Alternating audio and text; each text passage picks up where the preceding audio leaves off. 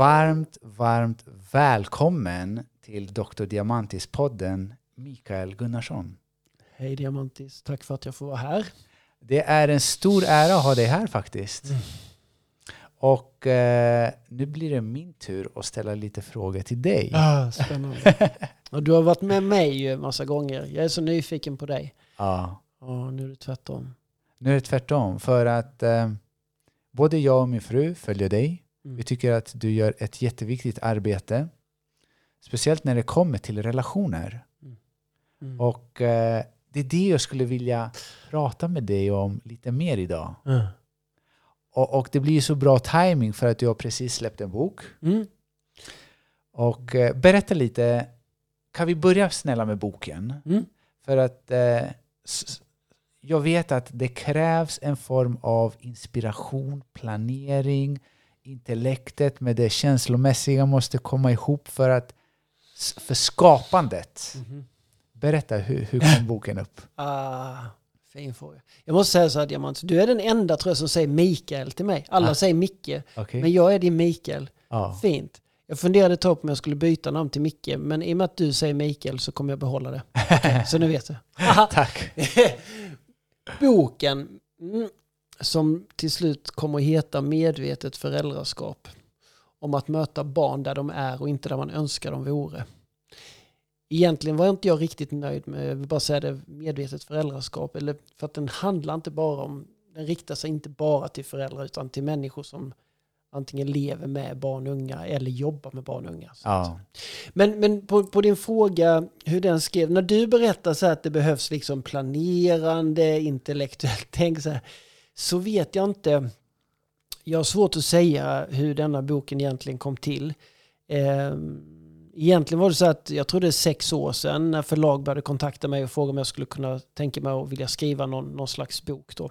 Ja. Och jag blev väldigt glad när de hörde av sig och det som hände var att det låste sig med en gång. Jag kunde inte skriva ett ord. Ändå då skrev jag på sociala medier, jag har skrivit egna böcker som jag gett ut själv och där det bara flödar. Ja. Men det är bara totalt stopp. Eh, och när, när förlagen började prata om, om liksom, eh, synopsis och innehållsförteckning, allt, det, det, nej, jag kunde inte. Så egentligen var det så att jag träffade, i samband med att jag träffade eh, Björn Nattiko och hans författare eh, Caroline Bankler som gjorde, skrev boken Jag kan ha fel. Ja. Eh, Björn som finns med oss nu fast inte i sin kropp. Men eh, när vi träffades och började snacka och Caroline och jag mer och mer så sa Caroline till mig, skulle, skulle inte jag kunna hjälpa dig också att förlösa den här bebisen då om du vill skriva? ja, fint. Och då så sa jag så här att, ja men om du tänker det här med bok, om jag bara får tömma, jag bara, jag bara skriver och skriver och skriver Ja. utan att behöva tänka på vad jag skriver. Ja. Vi kan ha inriktningar mot våra barn och våra unga och så försöker jag liksom tömma mig där. Men att du samlar upp det och försöker hjälpa mig att att strukturera och se vad detta är då. Ja. Då vill jag jättegärna testa det. Och då sa Caroline, då, då kör vi på det. Och Bonniers också, då, då, då kör vi på det. Och Diamantis då, då, jag bara skrev och skrev och skrev. Jag kunde sitta och skriva i sex sju timmar utan att släppa tangenterna någon Ja. gång. Så det, um, och då vetskapen att jag behövde inte tänka. Det låter kanske dumt, Ja. men jag behövde inte värdera, är det bra? Jag hamnade aldrig i prestation, Nej. utan jag hamnade bara egentligen att vara i full kärlek och full energi och bara låta det komma till mig. Ja. Så det kändes nästan ibland som att boken skrevs via mig. Ja. och att jag var något verktyg där och sen Caroline fick ta um, själva bokskapandet, eller vad man ska säga då. Men sen, sen blev hon också inspirerad av mycket av det jag skrev, så hon också kom med egna tankar och idéer och exempel. Så det var ett jättefint, jättefint samskapande. Ja. Eh, så, så så kan man väl säga om det var ett svar på din fråga, Ja. att den kom till. Liksom. Ja. Och varför är just ämnet relationer så, så, så viktigt för dig? Och hur kommer det sig att du, du, har, du brinner för just det ämnet så, så mycket? Mm. Ja. Nej, Men jag tror att dels relationer för mig, det är liksom... Det är att påminna mig själv om vad jag egentligen är. Och kanske också påminna mig om vad jag inte är. Att förstå att vi allt, allt på något sätt sitter ihop.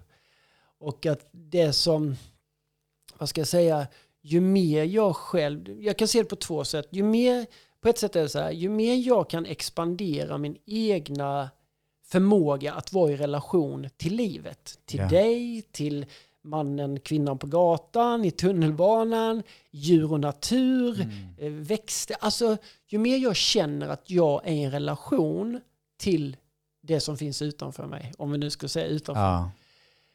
Eh, för mig händer någonting då. Mm. Det blir ett inkluderande.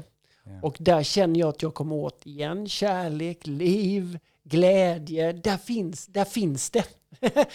eh, men däremot, om jag däremot hamnar i ett läge där, jag- där jag har en väldigt begränsad relation, där jag har en väldigt liten sfär av relation, när jag Ja. kommer in i att jag och du, vi och dem, eh, mitt land, ditt land, min religion, din religion, när jag börjar mer glida ifrån, Mm. och då skulle jag vilja säga så här, när jag inte är i relation med någonting, då, då, lägger jag inte, då spelar det ingen roll heller hur jag möter det. Det är då jag kan, då kan jag spotta på grannen eller jag kan eh, hata vissa eller jag kan, jag kan eh, vilja starta krig mot andra för att jag står inte längre i relation. Mm. Så relation för mig handlar också om en slags hållbarhet i, i livet på den här planeten och mig som väsen, som människa. Ja. Så det, det tycker jag är en djupare del av, av att förstå att relation handlar inte bara om det vi kanske traditionellt tänker mellan dig och mig eller i ett kärleksförhållande eller vad det nu kan vara. Utan jag tycker också att det finns ett större perspektiv Mm. som vi behöver titta på också. Och jag menar på, jag tror i alla fall, att vi kan expandera oss. Vi kan Mm. öppna upp och expandera så att vi kan stå i relation till allt och alla. Berätta. Nej men det, det är då, i alla fall så som jag upplever att jag funkar, det är att jag kan verkligen diamanter, känna och jag, ja, jag hoppas de som lyssnar på den här podden i alla fall kan, kan ta till sig, men jag kan verkligen känna att jag älskar liv, allt och alla. När jag står inför en publik på 300 pers och jag Ja. tittar på dem så kan jag faktiskt på ett plan i mig själv känna att jag älskar dem. Mm. För att det finns en kärlek som är bortanför ego, bortanför att du ska se ut på ett visst sätt eller den här villkorade kärleken. Utan det finns en universell energi, kraft, som jag vet inte vad vi ska kalla. Vi kan kalla det kärleken, vi kan kalla det livet, vi kan kalla det, vissa kallar det Gud eller det större. Men det finns något vi alla är en del av. Mm. Och för mig handlar det egentligen inte om att addera mer för att komma dit, utan tvärtom skala bort det som inte är vi. Så det som är i vägen, det som står emellan dig och mig. Mm. Det som står emellan de idéerna som vi har format, som vi tror på, som gör att vi kommer ifrån varandra. Vi Ja. kommer ifrån, vi kommer fram från det som lever, det levande. Eh, och där, där tror jag att, eh, och det är klart att ibland säger vissa till mig, du kan ju inte älska alla och skulle du kunna älska Hitler eller någon som har frågat mig. Så där, jag menar att vi måste det finns olika grader av kärlek. Jag menar på att, om vi tar Hitler eller vem som helst, alla har vi varit, alla kom vi hit som barn. Alla var vi de här levande, sårbara, nyfikna, öppna, eh, lite e alltså egobefriade innan vi programmeringarna och grejer hade hänt. Och det finns ju kvar i oss. Mm. Och det, hur skulle jag inte kunna älska det? Eh, och det tycker jag är en viktig del för mig. I alla fall är det en viktig del för mig att hela tiden expandera i min tanke kring relation och min känsla kring relation. Mm. Att, eh, ja, Och vad i så fall, vad i så fall i, i vägens gång i processen är det som skapar då den här separationen? Ah, Jag tänkte det första som kommer till mig är, det är rädslor. Det är otrygghet. Mm. Ehm, Och att vi tror mer på oss själva än på livet självt.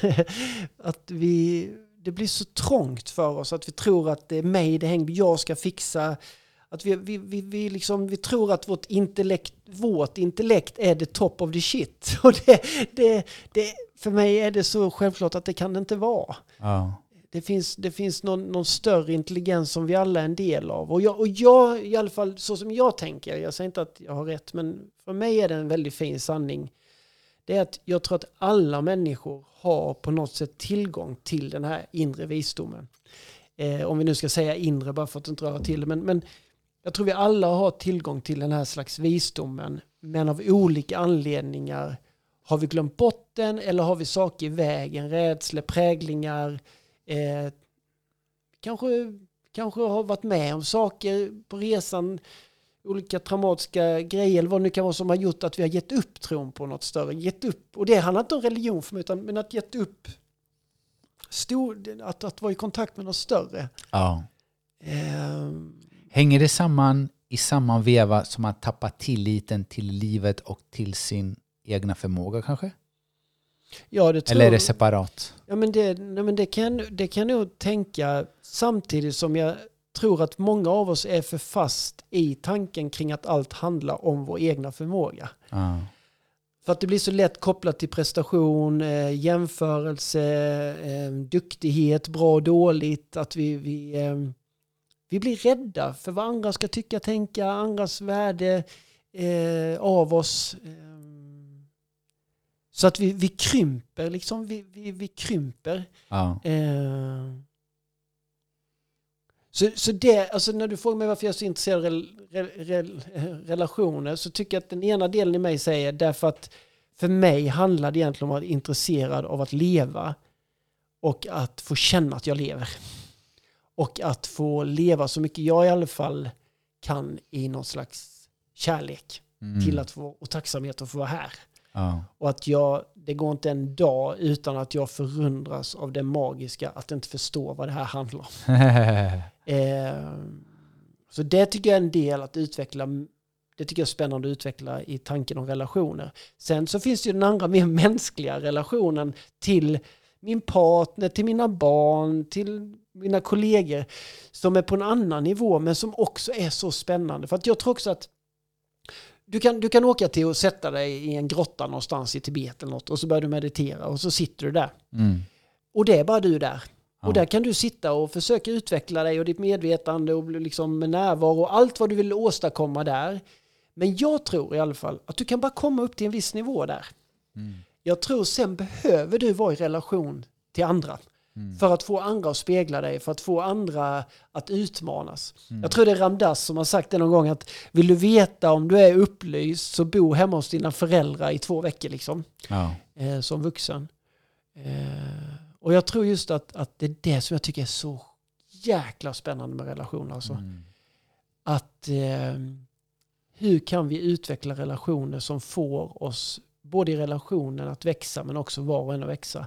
Hur skapar vi relationer där vi vill träna oss på relationen? Mm. Hur, hur kan vi vara i en relation där vi använder relationen inte bara som en, en fantastisk eh, mötesplats i kärlek eller vad det nu kan vara, utan även använda relationen som ett träningsläger Ja. för att bli bättre på relationer, bli, bli bättre på mig själv Ja. eh, och att kunna bli ännu mer sann skulle jag vilja säga. Hur är det med att relationen till ens själv? Åh, spännande fråga. Eh, jag tänker att det är där allt börjar. Mm. I en relation med en annan människa så är det egentligen det är där du lär dig mest om dig själv. Mm. Om, du, om, du, om du är beredd att, att se det så. Mm.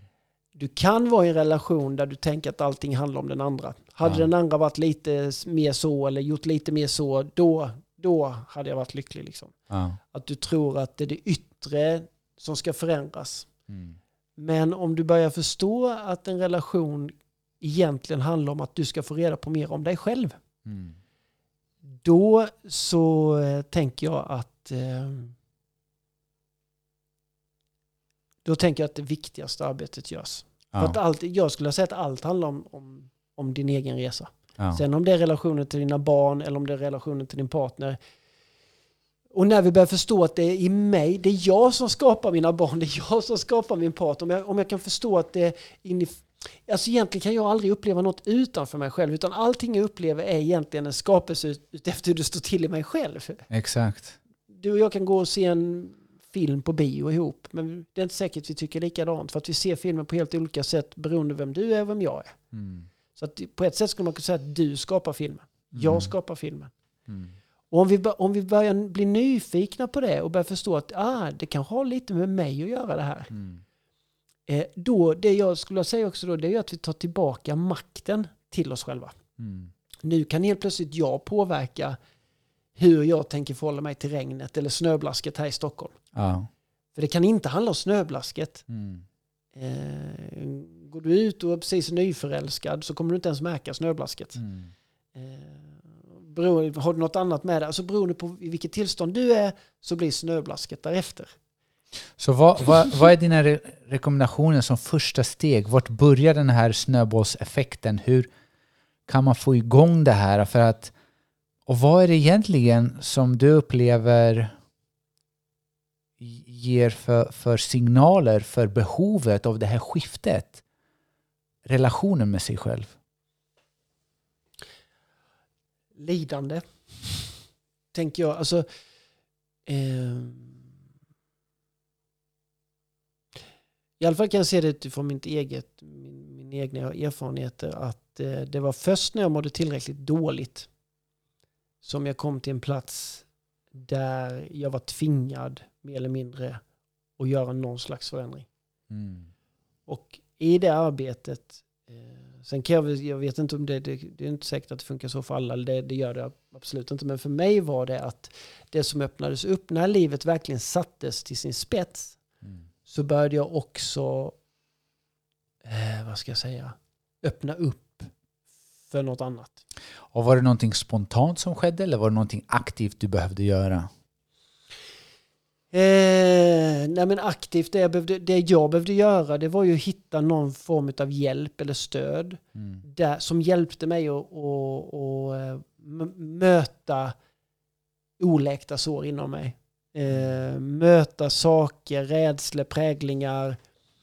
Eh, ja, jag, behöv, jag behövde få hjälp att göra ett inre arbete. Och man kan väl säga att många ställen jag hade försökt få hjälp på handlade mycket om bara vad ska jag säga, ett, ett, eh, för mig ett intellektuellt möte. Man satt och pratade med någon och, och för mig blev det liksom någon slags intellektuellt battle brukar jag säga. Men det jag behövde göra det var att hitta någon hjälp där jag fick använda hela min kropp, alltså hela min, min, min energi, min, min, eh, för det satt inte liksom i huvudet utan hela min, jag behövde liksom, hela min kropp behövde få berätta för mig och sådär. Så att jag, jag hittade ett bra, bra ställe som, som hjälpte mig att vet, jag hade så mycket, till exempel bara, jag visste inte att jag hade så mycket aggression i mig. Mm. Att det fanns så mycket ilska. Det fanns ett jätteargt litet barn i mig som jag bara hade på något sätt tryckt undan och sprungit ifrån och bara kört på och mer, gått mer och mer vilse och hela det här med det yttre och karriären och, och pengar och framgång och status. Alltså, ja, men jag, jag, jag tog mig mer och mer bort ifrån det mänskliga nästan skulle jag vilja säga. Och då, då rasade, till slut gick det ju inte rent Ja. ohälsa. Jag började dricka mycket alkohol och tappade kontrollen på det med. Och så rasade jag. Eh, och det var då någonstans där jag insåg att jag, jag, jag ska aldrig mer tillbaka till det beteendet. Och det, den plats inom mig jag var på innan. Utan jag måste hitta en, nytt, en ny mig, en ny, ett nytt sätt att förhålla mig. Och, Så vilka, vilka insikter var de mest värdefulla i de här sessionerna mm. som du hade?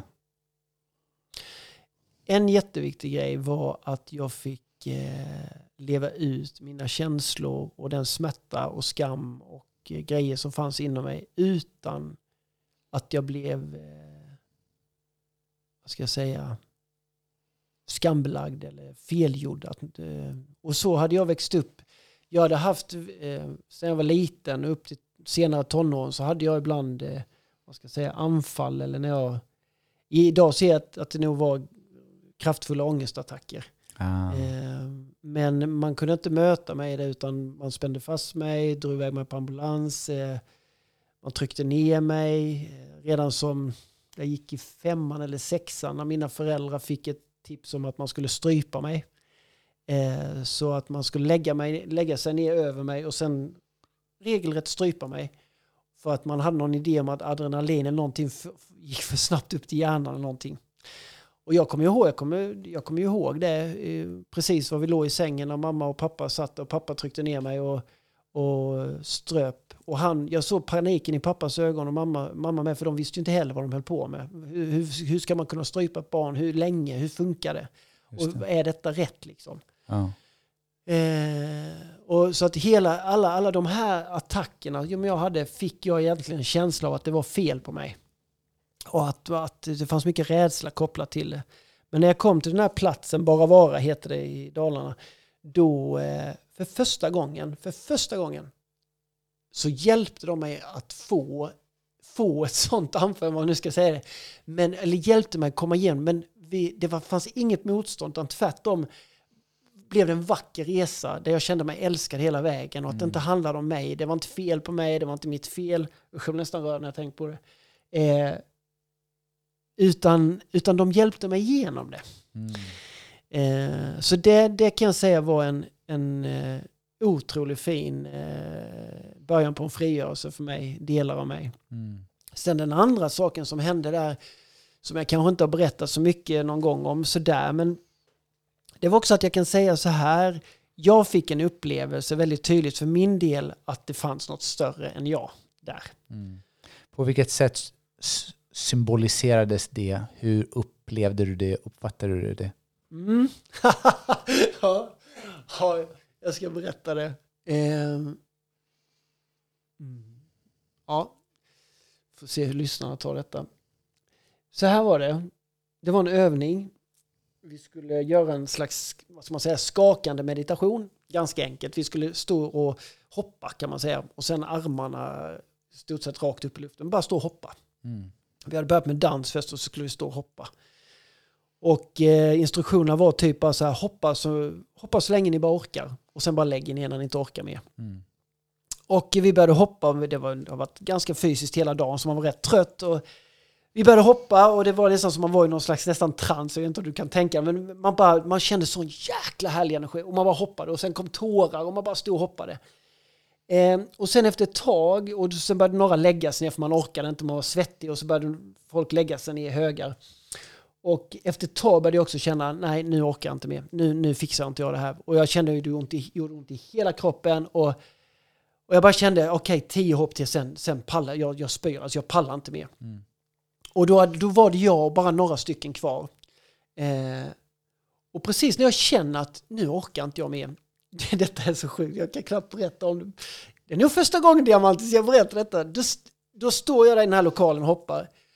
Och så får jag syn på, det finns ett takfönster där. Och precis när jag tittar upp i det takfönstret så är, kommer solen precis där. Precis och eh, lyser ner på mig. Så att det blev som en, någon hade satt på värsta strålkastaren ner på mig. Så.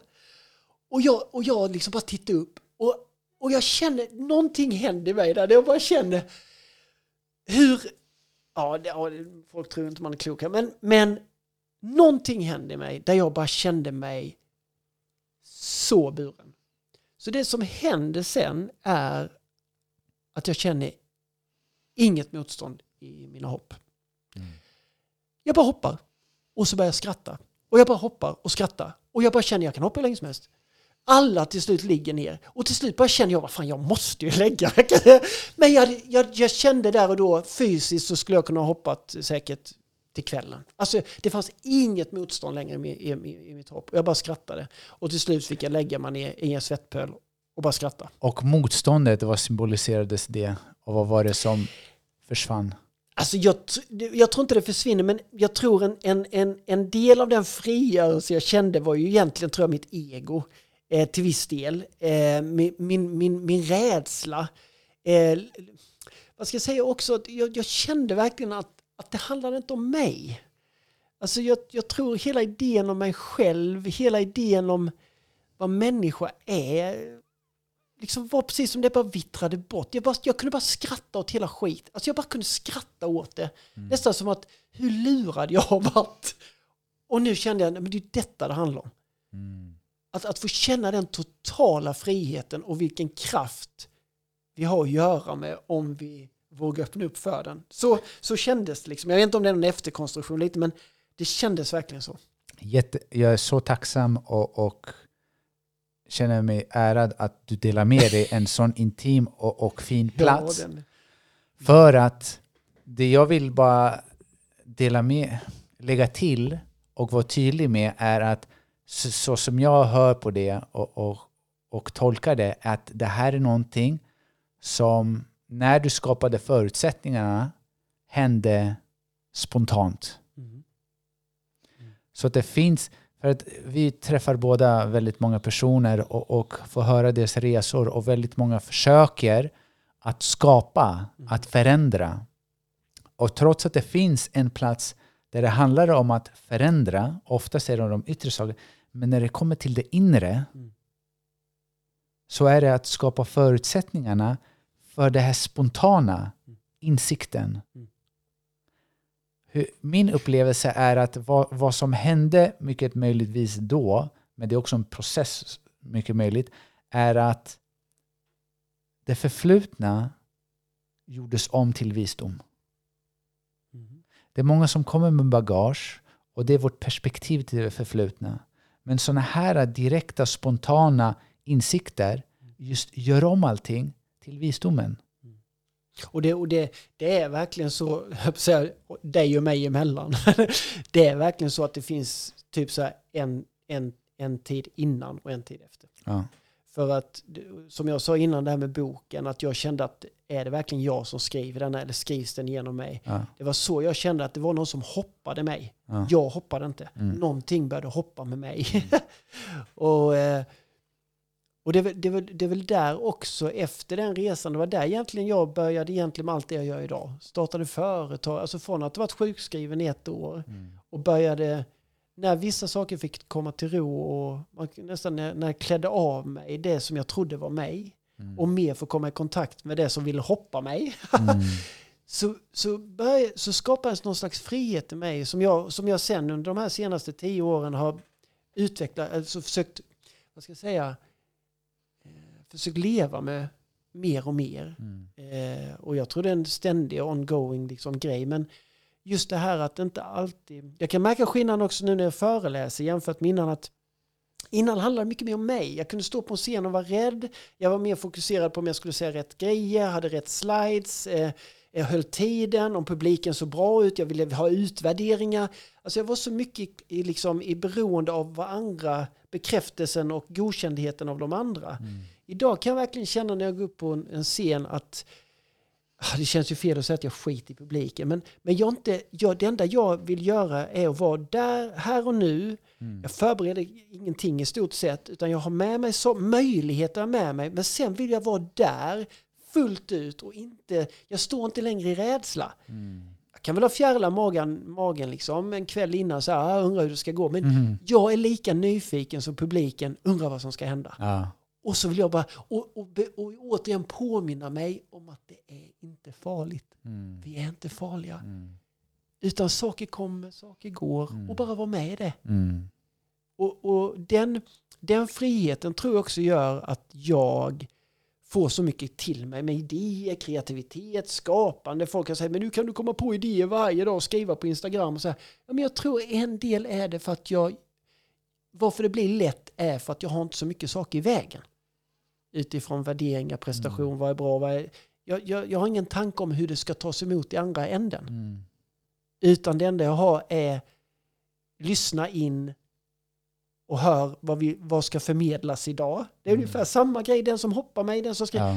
vad ska ut idag? Och så bara släpper vi ut. Så vackert. Så vackert. För det, det här kan ju handla om vilket område, annat område som helst. Oavsett om du, det spelar ingen roll om du arbetar just med, med kommunikation som du gör, eller om det var, skulle vara någon annan som jobbar på ett annat sätt. Nej. Eh, Och, och hela meningen är just att befria sig från sina misstolkningar om sig själv. Mm. Att det som hände dig när du var liten, du hade misstolkat det som att det var ditt fel. Ja. Och det är just det, det är bara vi reder ut misstolkningar. För att med den misstolkningar så kommer också vissa konsekvenser av beteende. Att man hela tiden försöker prestera, man söker bekräftelse och så vidare för sitt egna psykologiska välmående. Mm. Men vid befrielsen så fallerar. När ett kort faller, faller allihopa. För, för det handlar inte om dig längre. Mm. Idén du har trott på och också blivit lärd i Mm. de system vi befinner oss i, i skolsystem, i andra system, Ja. så blir du lärd att tro på det som inte är du. Ja. Och kan... Hur för, för, förlåt jag bryter, men hur, hur ser du det Och i vilka områden och hur förstärks det? Ja, men- och sker ja. det, sker det eh, omedvetet? Eller tror du till och med att det finns en medvetet eh, anledning till att man förstärker det här av oavsett om det är skolan, industrin eller vad det nu må vara? Vill man behålla individen i det schacket av rädsla? Och i så fall varför? Detta är så komplext. Alltså, allting går enligt plan. Allting går enligt plan på en, på en, på en högre, på en högre vibration. Eller, om, om vi säger så här, om jag skulle kunna prata nu med det som hoppar mig, Mm. då så kommer den rösten säga allt går enligt plan. Mm. Så det finns egentligen inget som går fel just nu. Och detta är hemskt. Jag vet att vissa som lyssnar på detta kommer inte tycka detta känns eh, okej. Och jag, jag, jag har all kärlek och empati för det. Mm. För det finns så mycket saker som händer i vår värld idag som är svårt i det mänskliga att förklara. Mm. I smärta, i lidande, i orättvisor och så vidare. Men jag tror att det finns en, en del i den här planen med oss. Vi får vara ödmjuka också att den mänskliga arten, vi har inte funnits så länge. Och jag, jag, jag tänker att det som skiljer den här arten, alltså om vi ser oss i ett större experiment så kan man säga att vi är nog den enda levande arten som har fått testas på hur det är att ha ett eget val.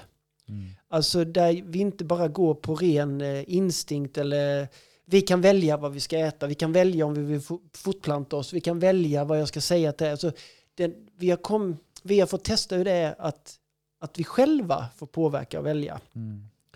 Och jag tror inte riktigt, eh, vi har inte riktigt förstått det, utan vi kör på. Och, eh, och, och där tänker jag att vi gör så gott vi kan.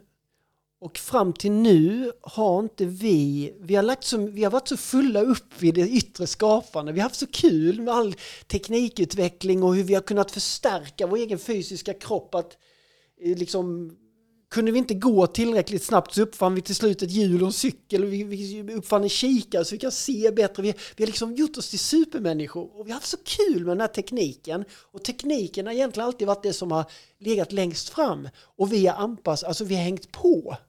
Eh, men jag tror att nu är vi inne i en, en väldigt spännande tid. Vi går in i en väldigt spännande tid nu där det kommer skifta. Mm. För att någonstans känner vi alla, någonstans i oss, så känner vi att detta kanske inte är så hållbart. Mm. Varken mot oss själva eller mot den här planeten vi befinner oss på. Och vi mår inte bra. Mm. Vi märker att bara, i, bara i Sverige så är det väl en miljon människor varje dag som äter någon form av antidepressiv, någon, någon, liksom, någon slags medicin för sitt inre. Ja. Eh, Så att någonstans märker vi att det här inte, men vi har svårt att se vad, vad det är. För att vi kan inte heller riktigt se det. För det beror Mm. på lite var, var du befinner dig. Och detta är så lätt att det egot säger du tror du är bättre än någon annan. Det är inte det jag menar. Men det handlar om, om, om man sett, om man springer, om man skulle frys, om man startar ett maraton och så tar vi en ögonblicksbild över ett maratonlopp efter en timme. Så kommer vi märka att många människor är på lite olika plats. Ja. Och så tror jag vi befinner oss i vårt medvetande nu med. Mm. Eh, och ganska fram till nu så har det varit mycket maskulin, mycket mer en, en egostyrd. Eh, och plus att vi har byggt ett, ett, ett ekonomiskt system Mm. där vi har en idé om en, en ständig ekonomisk tillväxt. Ja. Och vi har vår tanke om att meningen med livet, meningen med lycka, allt är kopplat till pengar. Mm. Och då kan man tänka sig ut efter det så måste vi bygga system så att det här ekonomiska systemet kan fortsätta att verka. Mm. Och tittar vi på skolsystemet idag så är det mycket en fantastisk konstruktion för att få detta systemet att funka. Mm. Men det vi börjar märka, tror jag, det är att det här systemet är inte för människans bästa. Berätta. Ja, det tänker jag att det kan vi, det, det är inte så svårt att, att egentligen förstå eh, utifrån hur vi mår. Eh, så tror vi idag Eh, jag satt och skojade med en kompis nu, det var något, något sånt där för, ett stort företag som gjorde något delårsrapport, att de hade bara gått, jag vet inte hur många miljarder det var i vinst, men, men eh, det var inte vad man förväntade sig och aktierna stöttök och det är kris, nu måste vi kämpa ännu. Alltså, vi, vi är så förblindade av det som inte är vi, det som inte är liv, Ja. men vi vet inget annat. Nej.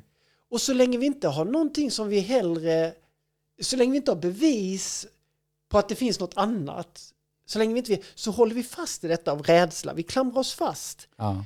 Eh, och vi, vi, vi fördröjer det hela genom att många av de systemen vi bygger då för våra barn i tidig ålder är egentligen för att de ska bli lyckade i ett system som vi vet inte är bra för människan. ja, jag förstår. Och det, då kan man säga så här, att lyckas i de system vi har idag är inte att lyckas. Utan tvärtom. Så egentligen ska man kunna säga att de som inte lyckas i dagens system kan antagligen bli morgondagens vinnare. Låt oss säga, du är Gud från och med nu. Hur hade du velat förändra skolsystemet? Hur hade jag velat förändra skolsystemet? Du har fria händer. Ja, jag vet. Och detta är, jag tycker inte om det, för för det är också så här komplext. För det, det går liksom inte heller, man kan inte isolera skolan idag som en enhet som man bara skulle kunna förändra, utan det, det är inte skolsystemet vi kan förändra, utan det som måste hända, det är att vi måste jobba med den mänskliga medvetandeutvecklingen, vi måste jobba med det inre. Ja. Eh, vi måste, det vi skulle kunna göra det är att, att förändra eh, lärarhögskolan. Så att lärarhögskolan inte längre har fokus på kunskap, eh, memorering, eh, bedömning, eh, vad ska jag säga, eh, homogen, alltså klumpa ihop i åldrar, alltså allt det här eh, skulle vi lägga mycket mindre tid och kraft på. För det här, det, vi människor lär oss när vi väl ska lära oss och vi människor, eh, vi, eh, vi kan inte ens lära oss saker om vi inte ens vill det. Och, och eh, jag, jag tänker att just nu är skolsystemet också mycket byggt på framtiden, att man går i skolan för framtiden. Men vi borde göra skolan mer som en plats att vara för nutiden. Att känna, hur mår jag idag? Mm. Eh, Känner jag glädje? Är jag nyfiken? Skrattar jag? Hur mår jag? Så vi inte liksom använder, skrämma skiten ur oss nu och tror att detta är en bra investering för framtiden. Ja. Så att det jag hade gjort då med, med lärarhögskolan det är att då, då, hade vi haft, då hade vi behövt ha människor Ingen skulle få gå lärarhögskolan utan att själv gå i någon slags terapi, någon slags eh, jobba med dig själv, traumabearbetning, vad det nu kan vara. Så att vi har så, förstår mig rätt, hela människor som möjligt. Eh, och att det är det vi ska jobba med i mötet med våra barn. ja, För de kommer redan in med den energin i förskolan. exakt. De har lusten, nyfikenheten, lär, allt har de. Ja. Men sen blir de rädda för vi skrämmer skiten ur dem. Och det vi gör är att vi rycker ur det inre ledarskapet. Det som har funkat optimalt, det Ja. första året, andra året, det tar vi väck. Ja. För nu säger vi till barnen, du vet inte bäst, utan vi vet bäst. Mm. Och vi kommer bedöma det efter. Du kan bara tänka, det är bara i skolsystemet, tänker jag, där man kan vara efter i något. Du är efter i matte. ja. Och det, du, du, är inte, du, kommer inte lyckas. Det, det där är också bara ett hittepå. Ja. Det är inte sant. Ja. Men vi tror på den här hitta-på-grejen. Ja. Eh, Och jag skulle säga det är likadant med ekonomiska system. Det är saker vi har hittat på. Vi får inte glömma det. Det, Ja. det har inte funnits för evigt. Skolan har inte funnits för alltid. Nej. Så att det som jag tycker är så jäkla spännande nu, som jag bara, jag bara känner hela kroppen och bara vibrerar, det är vad kommer hända nu? Alltså? För vi är inne i ett skifte. De här, alltså, det är så många system som kommer rasa totalt för att vi har vuxit ur dem nu. Vi, fler och fler växer ur. Ja. Det är därför vi, det är så många som idag är frustrerade och börjar bli irriterade. Det är inte det att de är irriterade på systemet, de bara håller på att växa ur. Ja. Och vad händer när tillräckligt många växer ur det här? Vad händer med det politiska systemet? Detta är bara sist. Vi, vi, vi är som, jag kan se sådana abborrar som ligger på land och gör de sista. Va? För det kommer att förlösas något nytt. Jag är helt övertygad. Så jag är jätteoptimistisk på det här. Eh, sen får vi se. Jag fick en fråga av en vän. Så här, va, varför är det lag på att man måste gå till skolan? Varför finns det skolplikt överhuvudtaget? Mm. Att det inte är är val, men att det är en lag. Och jag hade faktiskt inget bra svar på det. Nej, och, det, nej, och vissa, det är ju inte överallt det är så. Ehm, det jag tycker mer, det jag kan tycka är intressant ur ett politiskt perspektiv och, och som vi kanske vi kan börja fundera på, det är ju att i och med att vi har gjort det till en lag, Ja, i och med att vi har sagt i Sverige att alla upp till 15 år ska gå i skolan, ja, då måste vi också ha sagt, hoppas jag, att det absolut bästa vårt land kan göra för människa de första 15 åren för att skapa en hållbar värld, skapa eh, lycka, paradiset på jorden, välfinna, allt det här. Det absolut bästa vi kan ge dem, en, människa de viktigaste åren i livet, de första 15 åren, ja, är skolan. ja. Och då måste vi fundera på, är det det? ja. Och då måste vi titta på hur mår vi? Hur mår... Och jag skulle säga... Det är, inte, det är inte att kritisera rektorer, lärare, pedagoger, forskare. Det är inte det jag säger, men jag upplever att skolsystemet och skolorna är mycket idag en plattform där vi är rädda. ja. Det är en plattform av rädsla. Mm. Rädsla att inte räcka till, rädsla att inte få ihop det. Vi, vi är, barnen är rädda för, liksom, för att inte få ihop, ska klara sig, fel gymnasieval. Lärarna är rädda för föräldrarna, föräldrarna är rädda för... Alltså, det finns en inneboende rädsla som vi inte tittar på. Och det vi har gjort fram till nu egentligen och ännu mer de, de sista liksom, tio åren, det är ju att vi har ökat då kontrollen. För det är det vi tänker att det, Det får väck rädslan. Ja. Ja, så det är lösningen. Mer kontroll, mer kontroll. Medan det bara skruvar upp ännu mer rädslan. Just det. Så vi måste, det hade jag önskat att vi i den skolan då som du säger att jag får skapa, det är att vi måste skapa en, en skola, en mötesplats där vuxna och unga människor träffar varandra Ja, i trygghet. ja. Man ska inte, vi ska inte vara rädda för att lära, det är inte det det går ut på. Nej. Rädda att vara misslyckad, det, det, det, det är synd att vi, vi tror så mycket på den konstruktionen. Tyvärr. Och eh, jag, jag har studerat då fyra år inom naprapati och sen fem år i Kina. Och speciellt i Kina så var det så ett tydligt exempel hur det nästan rekommenderades bara att och, och trycka in så mycket information som möjligt till ett prov för att sedan ja, i stort sett glömma bort det. Det var för att passera och gå till nästa. Och eh, det är så intressant för att i kinesisk medicin, om vi tar det som ett exempel, förr i tiden så började man alltid med praktik och gick över sedan till teori. Mm. Nu är läkarutbildningen, du börjar med teori och sen går över till praktik. Och med praktik menar jag inte att du går och börjar som kirurg. Men jag menar att du satt bredvid någon som utför det. Och låt oss säga, okej vi undersöker hjärtat idag på Mikael. Mm.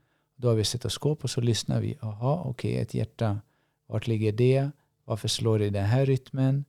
Sinusknuta, AV-knuta, allt vad det heter. Varför får den en sån frekvens? Mm. Och så, går man, så man börjar först med det praktiska, Mm. så man får lite substans, man ser lite. Och så ser vi också, okej, teorin bakomliggande varför. Mm. Så um, i alla fall så fanns den typen av modell för länge sedan i Kina när det kom till kinesisk medicin. Och det känns i alla fall, nu har jag en tre och en halvåring, så hon är ju nyfiken på livet. Mm. Och, och det är just det här uh, learning by doing. Och för henne just nu så har det att göra, hon är jättenyfiken på språk. Mm. Hon frågar, jag pratar grekiska med henne, Priscilla pratar spanska, vi pratar Mm. svenska ihop. Mm. Jättenyfiken på engelska. Mm. Och, och ibland så säger hon, nej jag ville bara att vi ska prata engelska. Mm. Och bara, ibland så bara hittar hon på sitt eget språk och går runt och pratar. Ingen vet vad hon säger, men det är hennes sätt. Och det känns som att det är någonting medfött, det finns där. Vi behöver inte kontrollera det. Vi behöver bara uppmana det och kanske förse med de rätta verktygen baserat på vilket område barnet är mest intresserad just nu. Men en sak, det här slog mig faktiskt eh, efter gymnasiet när jag skulle dek- deklarera för första gången. Och det var så här, varför har jag inte lärt mig att göra det här? Och då var det en, verkligen så en stark påminnelse om att ah, okej, okay, det kanske inte var meningen att jag skulle lära mig det här. Du var inte där då? Nej. Du var inte där då. Det, det är också så här spännande. Jag har också varit med om sådana exempel där jag har jobbat med ungdomar i olika projekt och sådär. När det väl blev aktuellt att de skulle sälja sin första tavla Ja. och då började alla frågor komma om men hur funkar moms, vad är faktura, hur startar Ja. man företag? Och så har ni inte läst det i skolan innan liksom? Sådär, jo, det har men man var ju inte där då. Ja. Nej. Exakt. Och jag, jag tänker att det är väl det som är, hade vi haft lite mer tillit till, till, eh, till att detta, att det, alltså tillit till att vi, vi människor, vi, vi, vi fixar det. Vi, Ja. vi, fixar det. Va? Och det kan man ju också fundera på att har vi ens jag sa det på någon föreläsning, gång det stod någon blomma på scenen och så sa jag det att en blomma kan vi titta på och ha gans, beräkna ganska bra liksom när den slår ut full blom Mm. och sen när den drar ihop sig och vissnar och lägger sig till marken. Liksom. Vi, Mm. vi kan, vi kan nästan vi kan liksom se det ganska tydligt, den processen. Ja. Men man kan fråga sig själv, vet vi hur en människa ser ut i full blom? Ja. Man kan fråga sig det själv, vad är jag? Har jag redan slagit ut och, och nu är jag på väg, väg eh, ner? Eller vad, vad, vad har jag för tanke? Vad är, vad är en människa i full blom? Exakt. Det är, jag tycker det är en jättespännande grej. För att risken är ju att vi har gjort, vi har gjort ett system där vi tycker att det går bra. Det, det, det är ju bra medborgare och så. Och, och inte att alla är pelargoner heller. Nej, nej, nej, nej, nej. Att alla är sin unika blomma. Exakt. Och vi blommar på olika sätt. Ja. Och vi har olika färg. Mhm. Och alla blommor är fina blommor. Ja. Ja. Och alla behöver, och det är där, vi, det är där jag tänker vi behöver lä- lägga mer tid på att lära känna mig själv. Vad Ja. behöver jag? Ah, Jag menar, du kan ju inte behandla en kaktus och en tulpan på samma sätt. exakt. Men, och då menar jag också att, att jag tänker att det kan vara så här att vi tror vi har nått toppen av mänskligheten nu. Att vi är de smartaste och vi, sådär va. Mm. Och så har vi ett system, skolan, som, som gör oss tillräckligt bra för att det ekonomiska systemet ska funka. Och ja, visst, vi har sjukskrivningar, vi har lite, vi har barn med diagnoser, vi har, ja, det finns massa som händer va. Men, men, men vi är rätt nöjda. Men tänk, tänk om det är så att det finns något annat sätt. Ja. Som gör att människan kan, och jag, jag kan verkligen se till mig, folk undrar ibland så här, men, jag, jag vet inte, man det kanske har lite olika fallenhet, jag vet inte, men ibland kan folk säga, Micke du verkar kunna liksom nästan allt, och jag säger, "Men det vet jag inte, jag kan lite om mycket, jag kan spela lite gitarr, lite piano, jag kan rita lite så här. Men jag tror så att om vi människor mer och mer kommer till en trygg plats med oss själva och livet och inte lägger så mycket tanke på om man kan eller inte, Ja. så tror jag vi kommer bli förvånade, många av oss, hur mycket vi kan. Ja. Det är lite som den där Pippi Långstrump som säger det där har jag aldrig testat så det kan jag nog. Ja. Och det är en helt annat mindset. Idag, idag måste vi, och det, jag tänker på det du sa med din, med din dotter där. Alltså, ta till exempel jag, bara för att jag inte gick treårigt gymnasie för typ 30 år sedan, Ja. så får inte jag plugga på universitet idag. Ja. Utan då måste jag läsa in tre år eller två år på komvux för att jag ska få gå en kurs. Ja. Jag får undervisa på universitet, men jag får inte... Eh. Om jag skulle läsa en kurs i vad som helst, så får ja. jag inte göra det. Nej, exakt. Och det där är ju också, vad, vad håller vi på med liksom? Vad, vad, och och då, då tänker jag så här att när jag tittar på ettåringar, det de är duktiga på det är att de forskar. Ja. De forskar. Ja. De undersöker, de vrider, de vänder. Ja. Precis som du säger också, att de gör det i praktiken. De börjar forska och undersöka. Ja. Och det drivs av ren nyfikenhet, man vill veta mer. Exakt. Idag så, idag så ska- vi liksom bli liksom mer att den akademiska, den lever sitt egna liv. Där, där forskning är det högsta. Alltså vi borde ju vända på allt det egentligen. Så att, att vi borde börja de första, första hela, sko, alltså hela skolan borde vara en forskningsans, alltså Ja. där vi borde forska ja. på oss själva och utforska. Inte att det finns, jag menar herregud, jag, vi kan inte ha gymnasieelever som gråter och säger liksom att de inte pallar mer. Ja. Och där, där vi föräldrar står liksom och säger till våra barn, stå ut, det är bara en termin kvar och sen slipper du Jag det. tror att det är någonstans så här 70 000 hemmasittare. Ja. Och det ökar ju. Ja. Och det bara, precis, det går åt fel håll. Men jag tyckte, Ja, eller rätt. precis, beror på hur man ser. Ja men exakt. Ja men tyvärr så behöver det ske åt det hållet. Men jag tyckte det är jättefint med metaforen med blomman. För det påminner oss också om olika blommor behöver olika typer av miljö för att kunna växa och för att kunna blomma. Och, och om du är en pelargon och jag är en rhododendron, vi behöver inte samma typ av miljö. Vi behöver mer centrerat kring våra egna behov. Mm. Och det är därför det blir just så, så fel nu med skola, vi är inne på skola, att alla när de är så här gamla ska lära sig exakt det här. Och det, jag, jag brukar skoja ibland på föreläsningar och säga det att allt det här kontrollerande idag och mäta, och, mäta och väga och analysera alla algoritmer och allting vi ska ha, liksom kontrollsystemet kring våra barn. Ja, Jag brukar också skoja om det just när det gäller att våra blommor och när vi sår frön. ja. Att det, är väldigt, det är väldigt sällan vi sår frön och sen gräver vi upp dem efter två veckor och tittar hur det går. Liksom. Utan vi litar på processen och vi gör det som behöver göras där och då. ja, Vi försöker lära känna växten, förstå den. Och det är det, det, är det jag tänker. Det är också som jag brukar säga att skolan fortfarande så är man mer intresserad om det finns liv på Mars än om det finns liv i oss själva. ja. Vi, måste börja åter, vi måste börja återerövra och komma hem till livet igen. Precis. Vi ska inte sitta inne och läsa om djuren som är där ute. Nej. Vi ska inte sitta inne och klistra löv på, på papper när löven är där ute. Men då säger vi så här, nej men herre, vi, skulle inte, vi kan ju inte bara dra ut med ungarna i skogen, hur ska vi få ihop det i schemat och det? Nej men då måste vi fråga oss, ska vi anpassa liksom barnen och verkligheten efter det systemet eller är det systemet som behöver anpassa sig efter där vi är nu? Ja. Men vi är, så, vi är så låsta, så därför när folk ibland har sagt det med hur skulle du vilja göra om skolan? Då säger jag det första jag tror vi måste göra det är att ta väck ord som skola, lärare, lektioner, Ja. rektor. Allt det här måste nedmonteras. Ja. Och så börjar vi om. Ja. Och så funderar vi på, med det medvetande och de erfarenheter vi har nu Mm. och de, den längtan som finns, de, de idéer som finns. Hur skulle vi skapa något nytt nu? Ja. Och jag kan tycka politiskt sett så skulle jag tycka att det var väldigt spännande om, om man på, li, på, på politisk nivå hade sagt så här att nej men vi testar.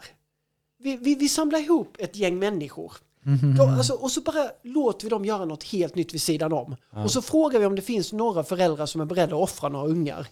Och så gör vi något helt annat. Ja. Och så följer vi dem i 15 år så får vi se vad som händer. Ja. Och jag menar för att så som vi bedriver skolan idag, det, så bedrivs ju inte alla skolor i världen. Nej, Det finns en massa spännande exempel i Indien där man gör på helt andra sätt. Ja. Så eh, Jag minns i Bali när vi var i Indonesien, det gick alla fram till klockan 12, skolan. Sen var det slut. Mm. Tänkte vadå, ingen eftermiddag? Nej, läxor? Jag minns inte heller om de hade läxor eller inte. Finland, bara grannen, de har ju lite annorlunda skolsystem. Men det är intressant att vi har väl pratat väldigt mycket om skola Mm. när man samma mindset ska kunna prata om någonting helt annat. Mm. Till exempel ja, med sjukvården. Mm. Att det är ett system och att allt ska passa in där. Men vi ser att hälsan hos människan reagerar inte alls på det sättet vi förväntar oss. Så, så det är någonstans ett högre problem, eller problem, utmaning Mm för oss som egentligen börjar inom varje individ. Med just rädslorna vi bär på dag ut och dag in. Och där är väl alltså vi... Jag kan inte se något annat än att, att någonting vi kommer märka väldigt snabbt här nu i, vår, i vår värld. Eller det är att det är inte för intet yoga, meditation, även tantra. Det, det är inte konstigt att de här grejerna börjar komma nu.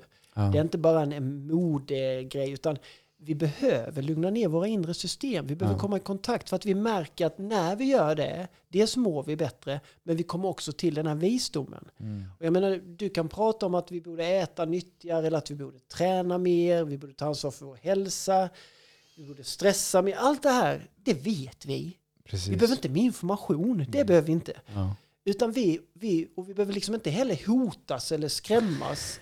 Utan det vi behöver är ju komma till en plats där vi kommer så pass mycket i kontakt. Om jag ser till mig, jag hade druckit alkohol jättelänge och hade, var fast i missbruk. Alltså jag, jag, jag kontrollerade inte alkoholen. Mm. Jag hade rökt en cigarett i 17 år. Mm. Och båda grejerna slutade jag med över en dag. Mm. Och det jag kan säga där var att jag kom till en plats där jag inte behövde sluta med de här grejerna. Utan Mm. jag kunde inte fortsätta. För någonting annat hade hänt med mig. Ett värde, en sanning i vem jag, vem jag är i kontakt med livet och min Ja. tacksamhet. Ja. Så att jag började göra saker mer rätt utifrån det som skapade mer, bättre välmående för mig.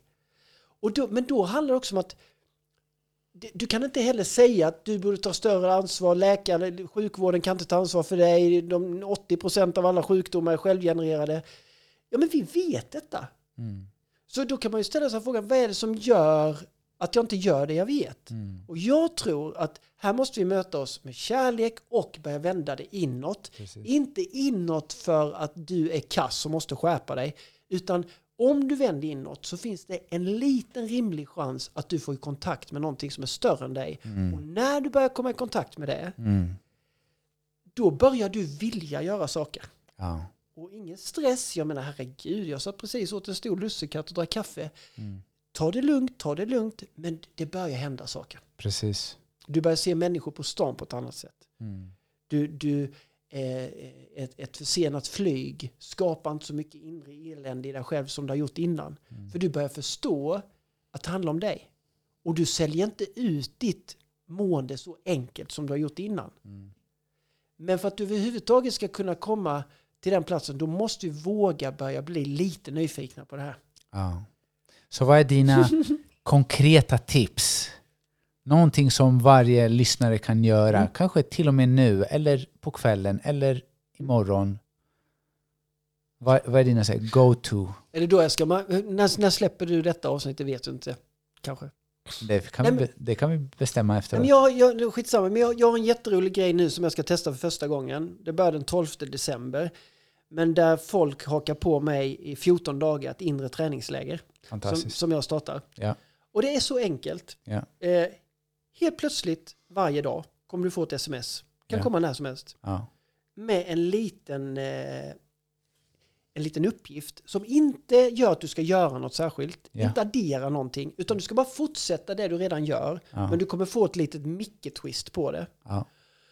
Och jag är helt säker efter de här 14 dagarna att det har hänt någonting. Fint. Och sen träffas vi live sen och diskuterar och delar vad som har hänt. Ja. Men bara en sån sak som... Bara, bara när du hör detta nu i podden, du som lyssnar. Mm. Tänk så här nu, att från och med nu, vad du än gör, så ska du göra det lite, lite långsammare.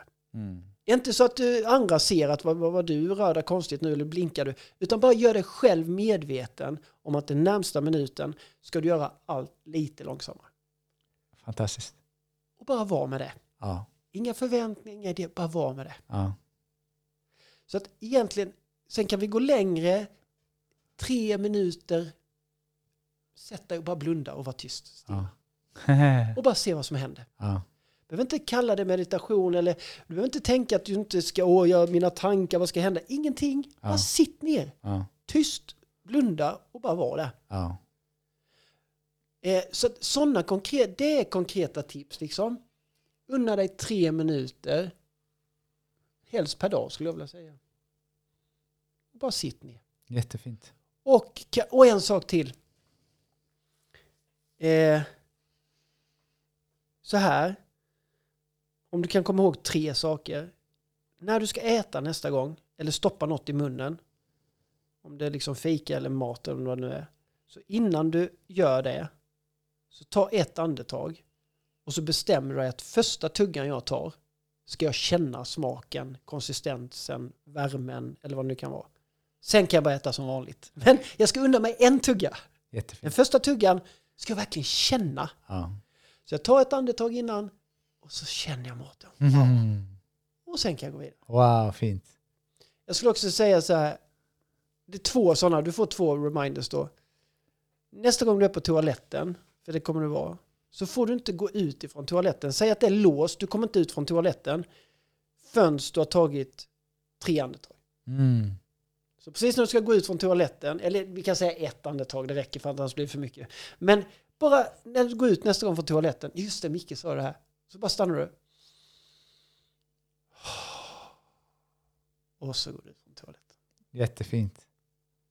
Och vart kan eh, lyssnarna följa dig någonstans? Hur kan de hoppa på den här, den Ja, här eh, 14, 14 dagars. dagars? Eh, vi börjar den 12, sista anmälningsdagen är 9 december. Eh, man hittar mig på mickegunnarsson.se, Instagram, Micke Gunnarsson, där jag är jätteaktiv. Jag har en app som heter Micke Gunnarsson och vänner, där jag också delar meditationer, vi kör livegrejer, du har varit där. Eh, eh, Men annars får man väl googla och sådär. Ja. Och, eh, så där kan man möta mig. Och sen åker jag ju ut. Jag menar jag reser hela tiden och åker ut och pratar med folk och i olika sammanhang och föreläser, vad vi ska kalla det, och eh, coachar och har mig. Så att jag älskar att bidra. Det, jag älskar det. Fantastiskt. Mm.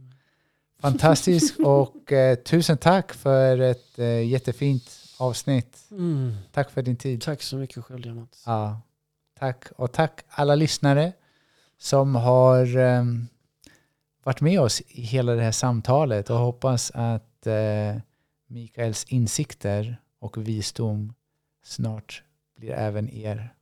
Ta hand om er. Massa kärlek. Hej då.